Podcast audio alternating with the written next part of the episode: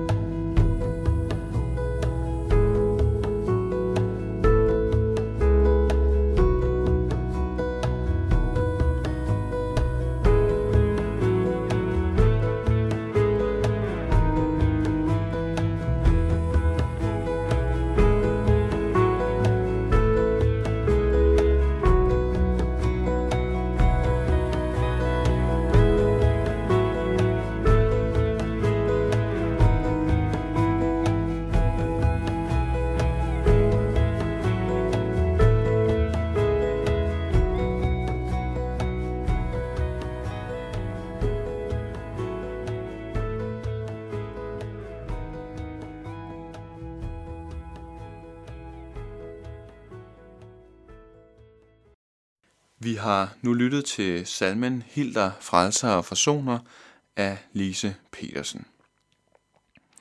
Dagens andagt har jeg givet overskriften Han blev straffet for, at vi kunne få fred. Denne uges andagter handler om påskens mange spændende begivenheder.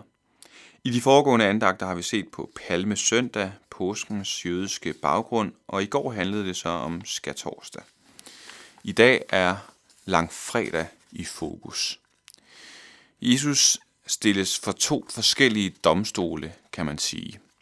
Den første domstol er jødernes råd, Sanhedrin, som bestod af 70 lærte jødiske mænd. De dømte i diverse civilretssager. Jesus stilles for dette råd, sandsynligvis allerede sent om aftenen, skal torsdag. Det viser sig dog at være ret vanskeligt at finde på noget at anklage Jesus for. Forskellige mennesker stiller sig frem og vidner imod Jesus, men vidneudsagnene er usammenhængende og indbyrdes modstridende.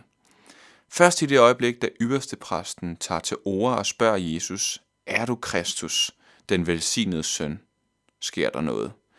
Jesus svarer nemlig, det er jeg, og I skal se menneskesønnen sidde ved den almægtiges højre hånd og komme med himlens skyer. Det udsagn får råd til at gå helt amok, flænge deres klæder, og for dem er sagen afgjort. Jesus må dømmes til døden.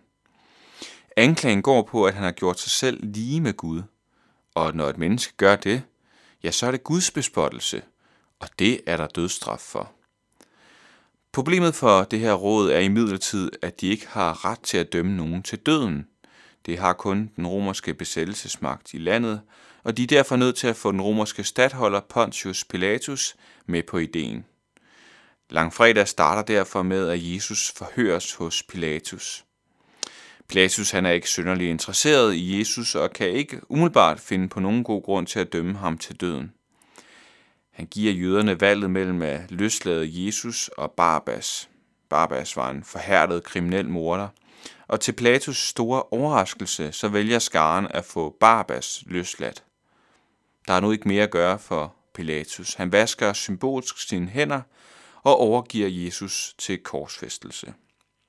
Soldaterne pisker Jesus gentagende gange og håner ham ved at sætte en krone af torne på hans hoved.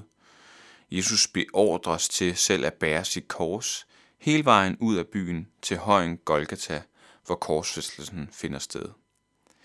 De romerske soldater banker søm igennem Jesu hænder og fødder og rejser korset op.